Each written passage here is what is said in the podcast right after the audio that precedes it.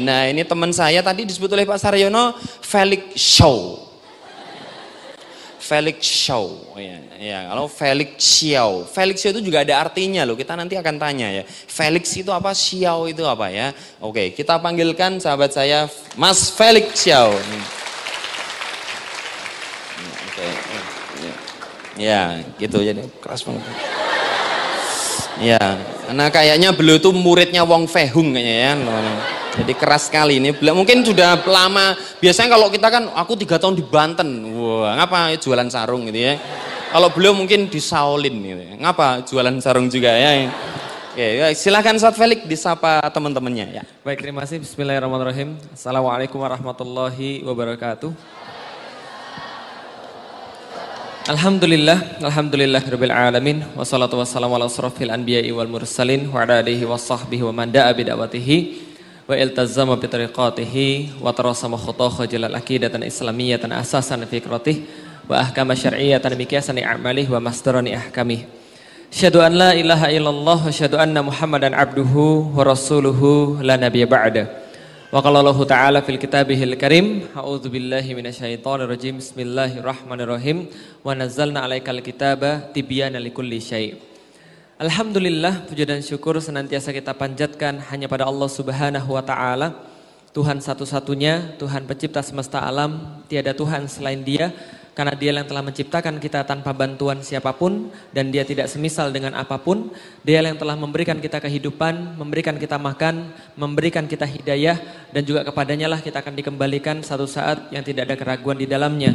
Maka pantaslah ketika kita senantiasa memurnikan jiwa kita untuk beribadah kepadanya dan kita tidak memerlukan apa pun selain dia dan mudah-mudahan saat kita kembali kepadanya Allah berkenan menerima ruh-ruh kita dan Allah panggil ruh kita dengan tenang itu dan kemudian kita diperkenankan untuk memasuki surganya, melihat wajahnya dan mendapatkan kebahagiaan yang tiada taranya.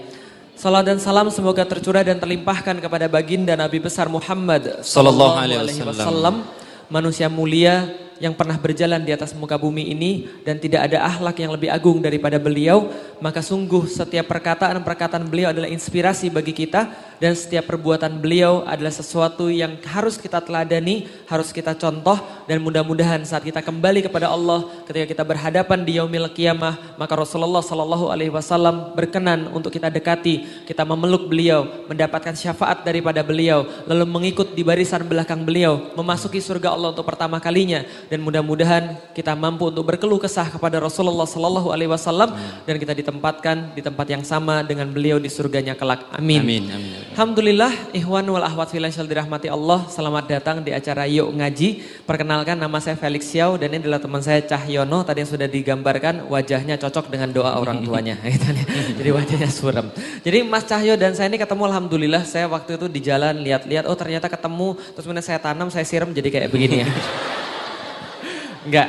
Jadi uh, Mas Cahyo ini adalah uh, salah seorang uh, tim daripada Yuk Ngaji, tim Yuk Ngaji ada di belakang semua dan kita semuanya berkaos. Bukan untuk tidak khidmat kepada Islam, tidak sama sekali. Tapi kita cuma ingin menunjukkan bahwa Islam itu untuk semuanya. Dan ketika kita ingin mengkaji Islam, kita tidak perlu mengubah segala-galanya. Yang perlu kita ubah cuma satu saja, pikiran. Ketika pikiran kita sudah berubah, kita pengen dari yang halal, maaf, jadi yang haram menjadi yang halal, dari yang kurang baik menjadi yang baik, dan itulah makna daripada hijrah yang sebenarnya. Dan pada hari ini teman-teman sekalian, kita ada di sini untuk membicarakan sesuatu judulnya Yuk Ngaji. Tapi perlu saya sampaikan, banyak orang yang bertanya, kenapa sih acaranya namanya Yuk Ngaji, bukan yang lain? Misal seminar entrepreneurship kah? Hmm. Atau misalnya seminar akhlak kah? Atau seminar yang lain-lain kah? Kenapa sih harus Yuk Ngaji? Seperti yang tadi disampaikan oleh uh, Ustadz Saryono tadi. Kenapa sih harus ngaji? Karena itu adalah sebuah hal yang jauh ada di uh, Nusantara, jauh sebelum kita. Orang-orang tua kita semuanya sudah familiar dengan Yuk Ngaji. Tapi kenapa sekarang hilang? Karena orang-orang mulai berpikir sesuatu yang salah. Pertanyaan saya sebelumnya, hidup itu pengen bahagia atau sengsara? Bahagia. Bahagia atau sengsara? Bahagia. Kalau gitu definisikan bahagia bagi saya. Bahagia itu apa? Bahasa Inggrisnya happy. Orang-orang barat itu banyak sekali membuat film tentang kebahagiaan. Ada in search of happiness, meaning of happiness dan sebagainya. Apa sih makna bahagia? Kalau itu bahagia itu apa? Yang membuat kita senang. Senang sama gak dengan bahagia? Senang bahagia? Contoh, dapat duit 100 juta senang nggak? Senang. Senang. Tapi apakah ketika orang dapat 200 juta, senangnya dua kali lipat? Enggak. Senangnya dua kali lipat atau enggak? Dapat Enggak. 300 juta, senangnya tiga kali lipat? Enggak. Ternyata tidak. Senang itu tidak identik dengan bahagia. Orang dapat itu senang. Tapi kalau dia dapat terus, dia tahan terus, dia bakal tegang. Coba lihat, orang buka puasa, makan kolak, senang nggak? Senang. Kolaknya dua piring, senang nggak? Sorry, dua mangkok, senang nggak? Senang. Kolaknya tiga mangkok, mulai senap gitu kan ya. Kolaknya lima mangkok, enam mangkok, lebih senap lagi. Nggak identik senang dengan bahagia. Orang dapat sesuatu senang, tapi kalau ditahan terus tegang. Kalau melepas baru tenang. Betul atau betul? Iya. Orang makan terus senang, tapi terus makan terus tegang atau enggak?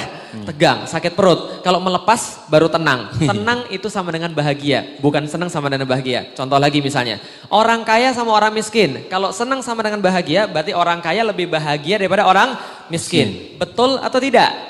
Lihat, orang kaya punya lapangan, sorry, punya rumah seluas lapangan golf. Apakah tidurnya dia muter-muter guling-guling sampai selapangan golf? Saya kasih tahu ya, kebahagiaan orang kaya dan kebahagiaan orang miskin kayak Anda ini gitu kan ya. Dan ketika dia ketika dia lagi tidur, ya sama dua kali dua itu aja kebahagiaannya. Bisa difahami teman-teman sekalian. Iya. Bahagia tidak terkait dengan harta karena harta belum tentu membuat orang bahagia. Contoh, tahu yang punya mobil Hyundai? Iya. Ah, mobil Hyundai tahu? Iya. Ya, eh, kira-kira kalau direkturnya mobil Hyundai itu kira-kira gajinya banyak atau dikit? Banyak. Gajinya setahun itu bisa sekitar 330 miliar setahun. Gaji direktur Hyundai. Berarti kira-kira happy atau enggak hidup dia? Happy atau enggak? Menurut kita happy. Tapi ternyata direktur Hyundai yang dimaksud itu tuh bunuh diri loncat dari lantai 33 mati. Berarti kira-kira dia happy atau tidak? Enggak. Tidak. Mungkin menurut kita dia happy, ternyata dia nggak happy. Hidup itu kalau kata orang Jawa sawang sinawang.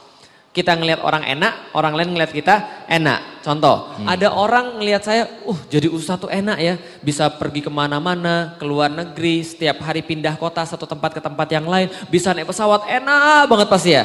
Yang ngomong kayak gitu pasti dia nggak pernah keluar negeri, nggak pernah keluar kota, nggak pernah naik pesawat. Betul? Betul. Yang bilang orang kaya enak itu pasti dia nggak punya duit dan dia belum kaya. Yang bilang jadi ustadz enak bisa pergi ke mana-mana naik pesawat pasti belum pernah naik pesawat. Betul atau betul? Nih 2014 saya di, eh, saya didiagnosa menderita satu penyakit yang aneh. Tiap kali naik panggung saya pasti mau pingsan setelah ngomong setelah 15 men- sekitar 15 menit. Tiap kali naik panggung 15 menit tangan saya kejeng, kaki saya kejeng terus mau jatuh, mau pingsan. Saya pergi ke dokter, dokter nggak ada yang tahu. Tes diabetes, nggak ada diabetes. Tes jantung, nggak ada jantung. Tes kolesterol, nggak ada kolesterol. Apa pun nggak ada, tapi penyakit itu masih tetap ada. Dan dilalah ternyata setelah 2014 penyakit itu usai. Kapan usainya? Saya 24 jam terbang ke Amerika, 24 jam terbang ke Amerika, lalu kemudian di Amerika saya masuk imigrasi, 24 jam lagi masuk imigrasi, terus dideportasi pulang ke Indonesia 24 jam lagi. Jadi bisa dipahami ya, 3 jam saya nggak ngelihat apa pun yang biasa saya lihat gitu kan ya. 24 jam pergi Amerika, 24 jam ditahan, 24 jam pulang. Anehnya setelah saya pulang penyakit saya hilang total. Ternyata penyakitnya apa? Depresi. Nih. Ternyata Ustadz bisa stres ya ternyata Bisa ya. stres. Bisa depresi. Tahu nggak depresi apa? Kebanyakan ngelihat pesawat terbang. Kebanyakan ngelihat bandara. Ternyata depresi saya adalah saya banyak lihat bandara karena setahun saya pergi begitu 75 kali. Dan saya sangat bosan lihat bandara. Lah kenapa? Ketika saya mau pergi, saya tinggalin keluarga saya, hati saya masih berat. Sampai ke bandara, saya stres ngelihat bandara. Paham teman-teman sekalian? Kata orang enak, ternyata penyakit bagi saya. Orang kira bahagia itu ada pada harta, harta tidak memberikan kebahagiaan. Bisa dipahami teman-teman sekalian? Kalau gitu ada bahagia itu pada di mana sih? Nih saya kasih tahu. 2002 saya masuk Islam. Sebelum 2002 saya belum Islam. Dan sebelum 2002 saya nggak pernah ketemu yang namanya kebahagiaan. Walaupun orang kira kebahagiaan itu ada pada harta. Walaupun orang bilang kebahagiaan itu ada pada jabatan. Saya nggak menemukan apa pun. Orang bilang kebahagiaan ada pada harta. Harta saya nggak kekurangan. Tapi satu waktu saya merasa. Lalu hidup kita ini mau ngapain sih? Kalau kita sudah makan satu, makan yang lain, pengen lagi makan itu, pengen lagi makan, semuanya sudah dimakan. Lalu bahagia dari mana? Teman-teman sekalian tahu bahagia, sorry, ternyata nikmat apa pun itu ada justru ketika belum dimiliki. Betul atau betul? Pas pengen makan itu, nggak punya duit, pengen banget. Pas sudah punya duit, jadi biasa. Kenikmatan Allah ambil ketika Anda makan berlebihan. Anda makan, sudah makan, kenikmatan Allah ambil. Hidup saya nggak ada artinya. Lalu hidup ini mau apa sih? Kenikmatan daripada terkenal. Terkenal juga nggak bawa nikmat. Teman-teman tahu artis? Semua yang jadi artis itu ketika datang saya mereka bilang gini, Ustadz kita tuh kelihatannya aja happy. Ketika di depan kamera kita berubah wajahnya. Tapi kita yang sebenarnya yang paling tahu siapa? Sopir kita Ustadz. Hmm. Semua artis ngomong gitu, sopir kita yang paling tahu tentang kita. Ketika kita sudah ada ada ada ada di foto-foto, terus kemudian kaca dinaikkan, terus mereka ada tak. Lalu saya ini ngapain ya dari tadi? Dan mereka begitu. Mereka nggak menemukan kebahagiaan walaupun mereka terkenal. Yang belum terkenal mengira orang terkenal itu bahagia. Sebelum saya masuk Islam, saya mencari bahagia, saya nggak dapat apa-apa. Yang saya dapat malah justru semakin stres ngelihat keadaan. Indonesia nggak habis-habis masalahnya. Ciri-ciri orang-orang yang tidak bahagia itu selalu bermasalah. Betul atau betul? Hmm. Lihat Indonesia. Indonesia kira-kira bermasalah atau tidak? Bermasalahnya banyak. Contoh, kemarau orang Indonesia susah atau senang? Susah. Susah. Wah dikit air Ustadz, kemarau tuh susah. Pas musim penghujan, senang atau susah? Susah, susah juga. Kemarau salah, hujan salah gitu kan ya. Hujan banjir, kemarau kering. Contoh lagi misalnya, harga minyak naik, orang Indonesia senang atau susah? Wah susah Ustadz harga minyak naik, berarti kita impor minyak itu nanti harganya jadi meningkat Ustadz. Berarti harga-harga transportasi pada naik, harga-harga barang pada naik. Oke harga minyak naik orang Indonesia susah. Harga minyak turun, susah atau senang? Susah juga. Ustadz kalau harga minyak turun kita kan juga mengekspor minyak Ustadz. Nah ini harga minyak turun kita jualnya gimana Ustadz? Susah semuanya. Jomblo susah, nikah sengsara kan itu kan ya. Ini terjadi. Lo nggak percaya? Beberapa waktu yang lalu tim hijab Alila tuh dapat satu pertanyaan dan pertanyaan itu berulang dari banyak orang ngomong begini bolehkah kita nggak nikah? Dosakah dalam Islam kalau kita nggak nikah? Lah kenapa? Perempuan-perempuan ini ternyata banyak melihat fakta-fakta yang mengerikan. Hmm. Sudah nikah ditinggal sama suaminya, sudah nikah diselingkuhi sama suaminya, sudah nikah dilempar uh, apa piring, dilempar gelas kulkas dan sebagainya. Berarti hmm. suaminya huluk gitu ya. Hmm. Pokoknya saya nggak mau nikah Ustaz karena saya ngeri banget dalam keadaan ini. Nah ini kondisi yang sekarang. Lah kenapa bisa terjadi kondisi yang sekarang? Setelah saya masuk Islam saya baru tahu. Oh semua itu terjadi karena satu hal. Dan itu yang akan kita bahas pada hari ini. Maka teman-teman sekalian kalau pulang ditanya sama orang hari minggu ngapain sih pagi-pagi pergi ke GIC. Jauh kata Bapak Suryono tadi gitu kan ya. Dan tempatnya macet kalau hari-hari biasa. Ngapain sih? Jadi kalau pulang ada jawabannya. Jangan kayak orang-orang lain. Kalau pulang tuh nggak jelas kalau ditanya. Ngapain pengajian? Oh, lupa tuh, materinya apa? Lupa juga. Pokoknya saya ingat ustaznya cakep aja. Jangan gitu ya. Gak suka kan. Memang orang iri tuh begitu. Nah jadi kalau ditanya pas pulang, ketika ditanya apa sih hasil daripada yuk ngaji, ini ada frase yang harus teman-teman ingat yang merupakan inti daripada pembicaraan kita semua pada hari ini. Inti pembicaranya adalah satu frase, kalau taat pasti bahagia, kalau maksiat pasti sengsara.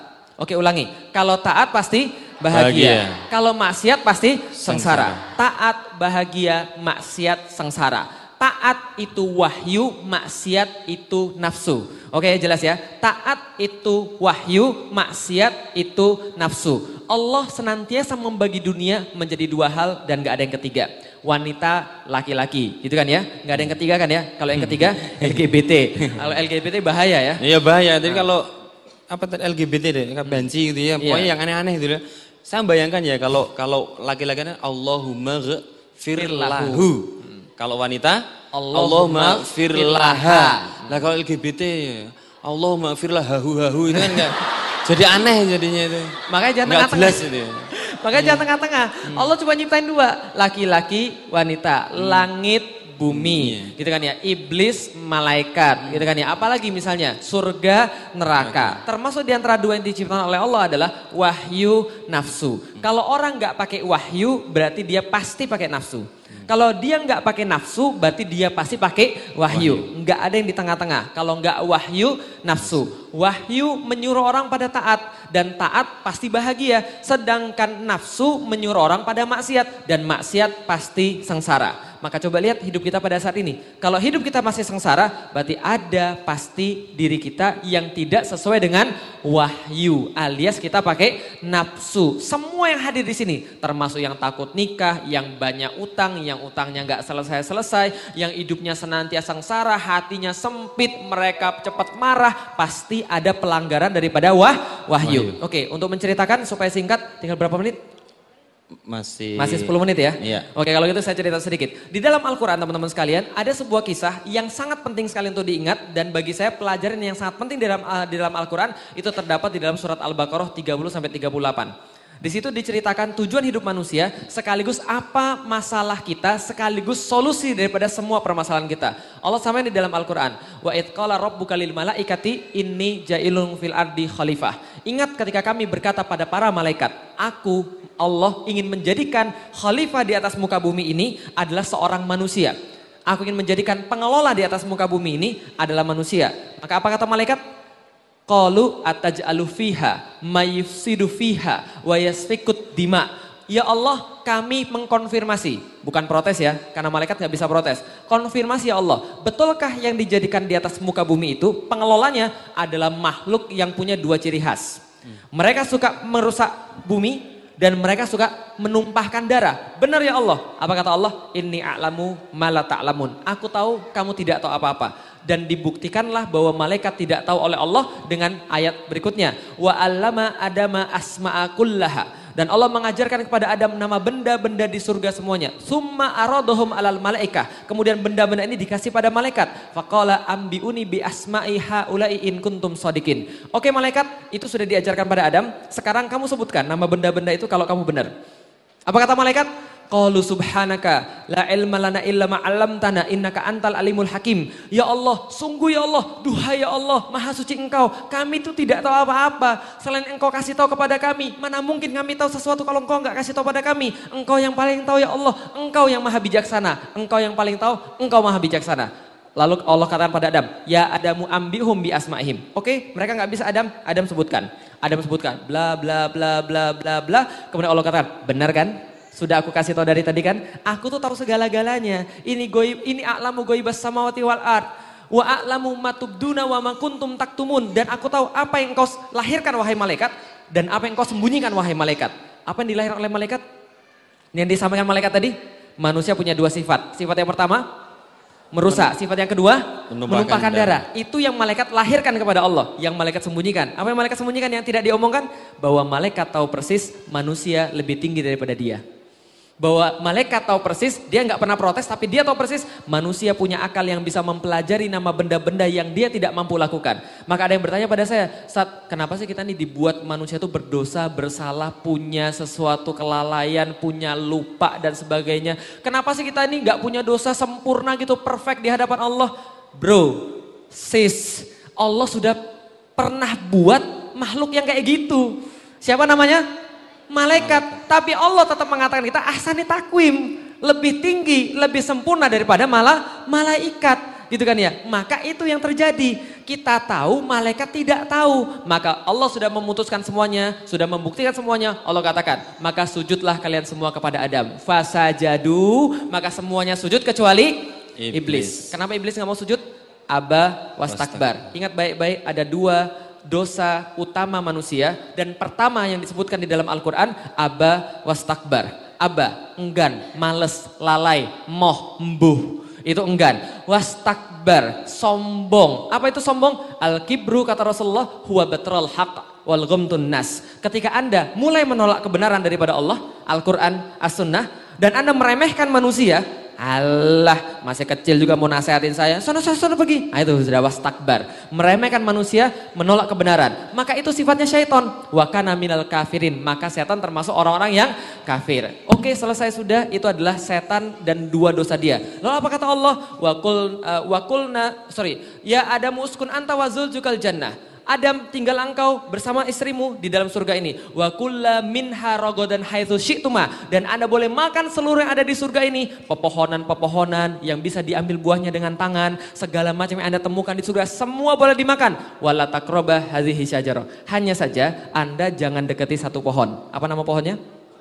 Salah. Apa nama pohonnya? Salah. Apa nama pohonnya? Khuldi. Salah. Apa nama pohonnya? Hah? Apa namanya? Khuldi, salah. Oke, yang bilang buah khuldi tadi siapa? Yang bilang buah khuldi? Atau pohon khuldi? Lo tadi perasaan ada yang bilang. yang bilang khuldi tadi, dalilnya apa dalilnya? Kalau nggak ada dalil berarti wahyu atau nafsu?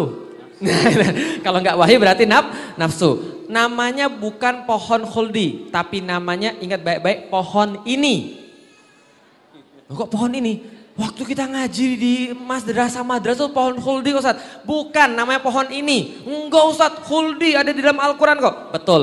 khuldi, kata-kata khuldi ada di dalam Al-Quran. Tapi bukan Allah yang ngasih tahu. Yang ngasih tahu namanya khuldi itu adalah syaiton. Syaiton bilang, manusia kalau kamu pengen hidup selama-lamanya dan gak mati-mati, kamu bisa. Tapi kamu harus makan buah dari pohon itu. Namanya buah khuldi. Kalau antum makan nanti bahagia. Yang ngomong Allah atau syaiton? Syaiton, berarti namanya bukan pohon khuldi. Allah ngasih tahu namanya pohon ini. Inilah kan tadi barusan saya bilang wala takroba hadhihi syajarah. Kata Allah jangan dekati pohon ini. Berarti nama pohonnya pohon ini atau dalam bahasa Arab pohon hadhihi ya gitu kan ya. Paham ya? Nah makanya yuk ngaji gitu kan ya. Wala takroba hadhihi syajarah fatakuna minadz zalimin. Kalau Anda mendekati pohon ini, Anda akan termasuk sebagai orang-orang yang zalim. Tapi apa yang terjadi? Fa'azzallahumma syaitanu anha. Maka syaitan menipu Anda semua dengan mengatakan pohon ini kalau Anda makan bakal Anda abadi. Lalu Anda tersesat semuanya Adam dan Hawa tersesat. Fa'azzalahuma syaitanu anha fa'akhrajahuma mimakana fi. Dan syaitan mengeluarkan kita dari dalam keadaan taat menjadi tidak taat pada Allah. Dari keadaan taat menjadi tidak taat pada Allah. Lalu kemudian Adam dikatakan oleh Tuhannya, apa katanya? Wa kulnah bitu. Maka keluarlah kalian semua kata Allah. Diusir atau tidak? Yang bilang diusir angkat tangan. Yang bilang diusir angkat tangan. Yang bilang gak diusir angkat tangan. Yang abstain, nah itulah orang Indonesia itu kan ya. Yang bilang diusir, revisi pendapatnya kita tidak pernah diusir. Yang bilang diusir itu adalah orang Kristen. Orang Kristen meyakini bahwa manusia diusir. Kita tidak pernah diusir. Nanti saya kasih tahu. Apa dalilnya, apa wahyunya bahwa kita nggak pernah diusir. Ihbitu minha, sorry, ihbitu, ba'dukum liba'din adu. Keluarlah kalian semua, sebagian daripada kalian menjadi musuh sebagian yang lain. Walakum fil ardi mustaqarru wa mata'u ilahin. Dan di, eh, pada kalian di bumi ini ada tempat kediaman dan ada kesenangan sampai waktu yang sudah ditentukan. Apa kata Adam? Fatalaqa adama mirabbihi kalimatin fataba alaih. Ini penting sekali. Maka Adam ketika disuruh keluar langsung mendatangi Allah. Fatalaqa lalu kemudian berkata-kata pada Allah dengan kata-kata yang sudah dicatat di dalam Al-Quran. Rabbana Zolamna angfusana fa ilam taghfir lana wa tarhamna lanakunanna minal khasirin. Penting banget. Kalau Anda dosa, kalau Anda salah, kalau Anda tersesat, kalau Anda yakin betul kalau Anda itu sekarang lagi nggak baik, yang perlu dilakukan satu doang, ngaku. Jangan ngeles. Nga, ngaku, jangan ngeles. Tapi di dalam Alkitab ketika manusia itu salah di dalam Alkitab bukan ngaku seperti Adam di dalam Al-Quran, tapi ngeles. Lo kok tahu? Karena saya pernah baca Alkitab. Di dalam Alkitab seperti apa? Ketika Adam ditanya, Adam kamu yang makan buah ini. Di dalam Alkitab Adamnya berkata, bukan saya Tuhan. Yang makan itu adalah perempuan yang ngasih kepada saya. Berarti Adamnya nyalain perempuan. Perempuan ditanya, perempuan kamu yang makan buah ini. Bukan saya Tuhan, itu ular yang nyuruh saya makan. Berarti dia ngeles lagi kan, ularnya nggak bisa ngomong, jadi nggak bisa ngeles, paham teman-teman sekalian. Maka di dalam Alkitab laki-laki, perempuan suka ngeles. Itu bukan sifat orang muslim. Sifat orang muslim dicontohkan di dalam Al-Quran. Ngaku, Robbana, benar ya Allah, aku salah. Aku menzolimi diriku sendiri, bukan engkau ya Allah, aku yang salah. Aku yang salah, dan sekarang maafkan aku, ampuni aku, sayangi aku kalau engkau tidak memaafkan, engkau tidak mengampuni, engkau tidak menyayangi aku, aku rugi, aku nggak punya tempat lagi untuk meminta ampun. Maka Allah kemudian mengatakan, fataba alai, Allah ampuni kalian, innahu huwa tawabur rahim, Masya Allah. Allah itu ya, kalau ngasih maaf ke orang nggak tanggung-tanggung. Nggak hanya ngasih maaf, tapi ngasih rohmah. Ada tambahannya rohmah. Kalau manusia nggak begitu kan ya, manusia ya aku maafin, tapi jangan ulangi lagi ya. gitu kan ya. Ada yang gak enaknya itu loh. Tapi kalau Allah Allah memaafkan dan Allah memberikan rahmah. Tapi setelah itu apa ayatnya? Kulnah bitu minha. Sudah keluarlah kalian semua dari surga. Loh, katanya sudah dimaafin. Kok masih disuruh keluar? Diusir atau enggak? Enggak diusir. Kenapa enggak diusir? Ingat ayat pertama yang saya baca. Wa id qala rabbuka lil malaikati inni jailul fil ardi khalifah. Ingat baik-baik kata Allah, ketika aku berfirman kepada malaikat, aku ingin menjadikan khalifah manusia itu di mana? Muka bumi. Dari awal Allah pengen kita di dunia. Jadi kita enggak pernah diusir. Karena memang dari awal kita disuruh di dunia. Hanya saja saat kita di surga Allah pengen kita belajar. Apa yang kita pelajari? Satu, nama benda-benda di surga. Yang kedua, Anda punya akal yang lebih mulia daripada para malaikat. Yang kalau Anda taati Allah, Anda bisa lebih daripada malaikat. Yang ketiga, Allah tahu Anda punya dosa. Allah tahu Anda punya salah, jangan khawatir. Jangan khawatir dengan dosa itu. Tapi khawatirlah Anda itu mau minta maaf pada Allah atau tidak. Anda itu mau ngaku atau tidak. Mau mempelajari atau tidak. Eh bitu minha. Sudah keluarlah kalian daripada surga ini ke dunia sesuai dengan tugas Anda. Tapi namanya tugas, namanya laki-laki dan perempuan yang gak pernah ke dunia pasti bertanya, betul atau betul? Contoh, mas kerjanya di mana? Kerjanya di mana mas? Di mana kerjanya? Masih mahasiswa yang sudah kerja angkat tangan. Uh, mas kerjanya di mana? Ah, oke di tempat otomotif. Kalau seandainya besok uh, manajernya bilang, Mas siapa namanya Mas? Mas Rahmat. Mas Rahmat besok pergi ke Skandinavia ya, ada tugas di sana. Mau atau enggak? Mau, insya Allah mau. Tapi bertanya nggak sama bosnya? Tanya nggak sama bosnya? Apa yang mau ditanya pertama kali? Skandinavia itu di mana bos? yang kedua antum mau nanya apa lagi? Gajinya berapa? Saya tinggal di mana? Tugas saya apa? Bos saya kan nggak pernah ke sana. Di situ ada musim dingin atau tidak? Atau cuma musim panas kayak di Indonesia? Atau cuma dua musim kayak di Indonesia, musim hujan dan musim panas? Itu seperti apa? Pasti nanya kan ya, karena nggak pernah ke Skandinavia. Sama Adam kalau kita bayangkan, pasti nanya pada Allah. Kira-kira begini, ya Allah, dunia tuh kayak apa sih? Kan kami belum pernah di bumi. Kalau di sini kami makan tinggal makan, tinggal metik di surga, kami dilayani di surga. Itu aja kami masih maksiat ya Allah. Itu aja kami masih salah ya Allah. Apalagi di dunia, gimana kami bisa bertahan? Allah katakan, ihbitu min minha. Sudah turun saja. Lanjutannya fa imma penting banget. Fa imma ya'tiyannakum minni huda faman tabi'a hudaya fala khaufun alaihim walahum yahzanun. Coba, penting banget. Allah kata, udah turun aja, tenang, jangan banyak tanya, tenang. Nanti di dunia akan ada SOP. Ini serius SOP loh. Akan ada SOP. Di situ ada caranya semua. Tinggal di mana, makan apa, ngapain aja. Nanti kalau ada masalah ini caranya. Nanti kalau begini ini gajinya segini. Semua ada di sana. Kalau Anda ambil kata Allah, kalau Anda ambil maka fala khaufun alaihim, maka tidak ada khauf, takut khawatir, galau bagi orang yang mengambil petunjuk itu. Walahum yahzanun, tidak ada kesedihan, tidak ada kebaperan di situ. Itu terjemahan terkini, kebaperan. Itu yahzanun. Tidak ada rasa baper pada diri mereka. Kenapa? Karena mereka mengambil aturan Allah. Allah lanjutkan kemudian dalam ayat yang lain, dalam cerita yang sama, famanit taba'a hudaya walayadillu walayashqa. Siapa yang mengambil petunjukku, dia tidak yadillu, tidak sesat, walayashqa, tidak sengsara. Menurut ulama, walayadillu fid dunya walayashqa fil akhirah tidak tersesat di dunia, tidak yashko, sengsara di akhirat. Artinya apa? Dia dapat petunjuk itu. Tapi Allah peringatkan, siapa yang tidak ambil, siapa yang tidak ambil wahyu, malah menurut nafsu, Allah peringatkan. Ayat berikutnya, waman arado an dzikri fa innalahu ma'isyatan dongka wa nahsyuruhu yaumal kiamati a'ma. Allah peringatkan, tapi hati-hati, siapa yang menolak petunjuk dariku tadi, yang ngambil dapat tadi, tapi yang nolak maka bagi mereka ma'isyatan dongka. Tahu ma'isyatan dongka? Ma'isyatan dongka, penghidupan dunia yang sempit. Menurut para mufasir, ma'isyatan dongka ada dua. Satu, rezekinya ditahan oleh Allah. Ya, harusnya dia dapat gaji lebih besar, ditahan oleh Allah. Harusnya dia sudah nikah, nggak nikah-nikah. Harusnya ada yang mau sama dia, dia tuh dibenci. Baru ngajuin proposal dua kali, ditolaknya 15 kali. Nah, jadi kita kita itu ma'isyatan dongka. Jadi dia sulit banget. Itu yang pertama, rezekinya nggak datang-datang. Yang kedua, rezekinya dikasih Allah, tapi kenikmatannya dicabut oleh Allah Subhanahu Wa Taala. Kelihatan nggak ada orang-orang yang begitu? Dapat rezeki, tapi nggak bisa menikmati. Bisa beli kasur, tapi nggak bisa tidur. Bisa beli makanan banyak, tapi makanannya nggak enak. Pas masih muda pengen banget makan ini, tapi nggak punya duit. Pas sudah punya duit, Pak kolesterol Pak asam urat, Pak darah tinggi. Ada nggak orang-orang kayak gitu? Dicabut hmm. kenikmatan Allah, padahal sudah dikasih Allah rizki. Dikasih Allah rizki, dicabut kenikmatannya. Atau nggak dikasih rizki sama sekali. Maksiatan dongka. Dan yang lebih ngeri lagi, wa nasyuruhu yaumal kiamati ama. Dan orang-orang kayak begini, Allah kumpulkan di hari kiamat dalam keadaan buta. Masya Allah. Orang-orang tuh berkata ketika itu pada Allah, Kola Robbi lima hasyartani ama. Ya Allah, kenapa aku dikumpulkan buta? Sekarang dan harus sekarang. Waktu kuntu basiroh, padahal di dunia aku dulu melihat. Seolah dia bilang ini, ya Allah kenapa butanya nggak di dunia aja ya Allah. Karena kalau aku buta di dunia ada yang nuntun, ada yang ngasih tahu, ada yang bantu, ada kemudian ini loh, yang apa namanya, pijakan-pijakan yang ada bintil-bintil itu loh. Itu mudah di dunia, tapi aku di sini buta, mau minta bantuan siapa? Tahu yaumil kiamah? Ibu ngeliat anaknya lari. Anak ngeliat ibunya kabur. Lah kenapa? Dia takut ibunya minta pahala pada dia. Dan ibunya takut anaknya nuntut dia. Maka kabur orang-orang itu. Anak kabur dari orang tua, orang tua kabur daripada anaknya. Setiap orang sendiri-sendiri, ribet sendiri-sendiri, riwas sendiri-sendiri. Panas materi di atas di atas kepala. Dalam kondisi seperti itu ada orang buta.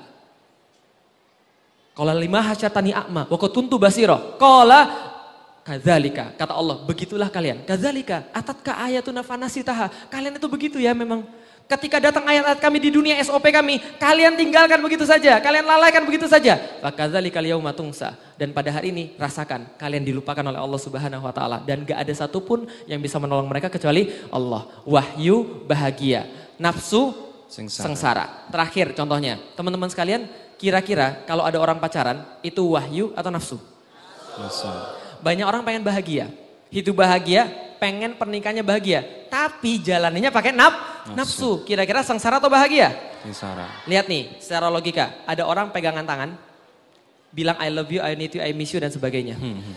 Padahal belum nikah, padahal belum akad gitu kan ya. Dan segala macam rayuan pulau kelapa yang lain dikeluarkan di situ gitu kan ya. Kira-kira teman-teman sekalian, taruhlah orang ini berdua nikah, taruhlah nikah. Pertanyaan saya sederhana, apa yang membuat laki-laki itu tidak memperlakukan wanita lain kayak begitu? Ngomong-ngomong teman-teman sekalian pengen dapat, sorry, diem ya, diem ya. Saya mau nanya ini, dengerin baik-baik. Mau dapat laki-laki yang setia atau tidak? Mau dapat laki-laki setia? Ngomong-ngomong lelaki yang tidak setia berapa banyak? Berapa persen laki-laki selingkuh? Uh 90 persen, gak percaya banget dia sama laki-laki. Berapa persen? Ada yang lebih tinggi daripada 90? 100, salah. Laki-laki yang selingkuh sebanyak tiga di antara dua laki-laki selingkuh. Eh? Ya. Ini ini penelitian mutakhir ya. Iya. Tiga di antara dua. Selingkuh. Selingkuh. Yang dua laki-laki itu ya. Uh, dua Yang laki satunya siapa? LGBT. Tiga di antara dua laki selingkuh. Ini adalah judul penelitian yang bombastis. Yang menandakan setiap laki-laki pasti selingkuh. Gak percaya setiap laki-laki selingkuh. Sekarang saya tanya, teman-teman sekalian yang laki-laki, saya saya tanya, teman-teman sekalian, kalau alasannya bukan selain karena Allah, selain karena Allah, apa yang membuat Anda bisa setia sama istri Anda nanti? Selain karena Allah. Cantik, cantik. Sayang, cantik. kenapa bisa sayang? Karena cantik. Yeah. Istri-istrinya artis cantik atau enggak? Cantik. Selingkuh atau enggak?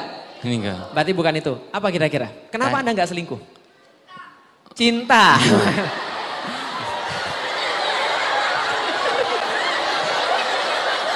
Wapau. Ini underrated nih kayaknya. Anak kecil sudah bicara cinta ya, oh, ya luar iya. biasa. Langsung keringetan saya. Anaknya siapa sih ini? Bapaknya mana bapaknya ya? ya ini, ini pasti bener. kebanyakan nonton utaran itu ya. Karena cinta. Setiap orang bilang cinta, tapi ternyata cinta nggak bisa. Saya kasih tahu, love is an act of habits. Dan teman-teman sekalian, cinta itu bisa karena banyak hal. Bisa karena harta, bisa karena wajah, atau bisa karena dekat saja. Dan teman-teman sekalian, hati-hati perempuan yang sekarang ini mendominasi perbuatannya hanya untuk menghias fisik saja. Pemutih, pelangsing, dan segala. Tapi dia lupa bahwa ada sesuatu hal yang lebih mengikat daripada itu semua. Maka hati-hati ketika Anda nanti menikah, laki-laki milik Anda pasti gara-gara fisik juga. Karena apa? Karena dia putih, karena dia seksi dan sebagainya. Tapi hati-hati, laki-laki yang menikah karena fisik, catat baik-baik kata-kata saya, catat baik-baik kata-kata saya, laki-laki itu semuanya sama, termasuk saya. Kalau nikah karena fisik, tiga hari kemudian rumput tetangga lebih hijau. Betul begitu yang sudah nikah? Betul memang begitu. Maka orang pacaran okay. tuh ya, oh dia tuh kayaknya segala-galanya, matanya indah banget, dagunya ya Allah, bibirnya ya Allah. Tapi setelah jadian, kayaknya temannya jadi cantik. Artinya adalah apa? Coba lihat sekali lagi. Terakhir ya, berarti selingkuh. Coba lihat selingkuh ya ada orang pacaran begitu. Apa bedanya pacaran dengan selingkuh? Enggak ada.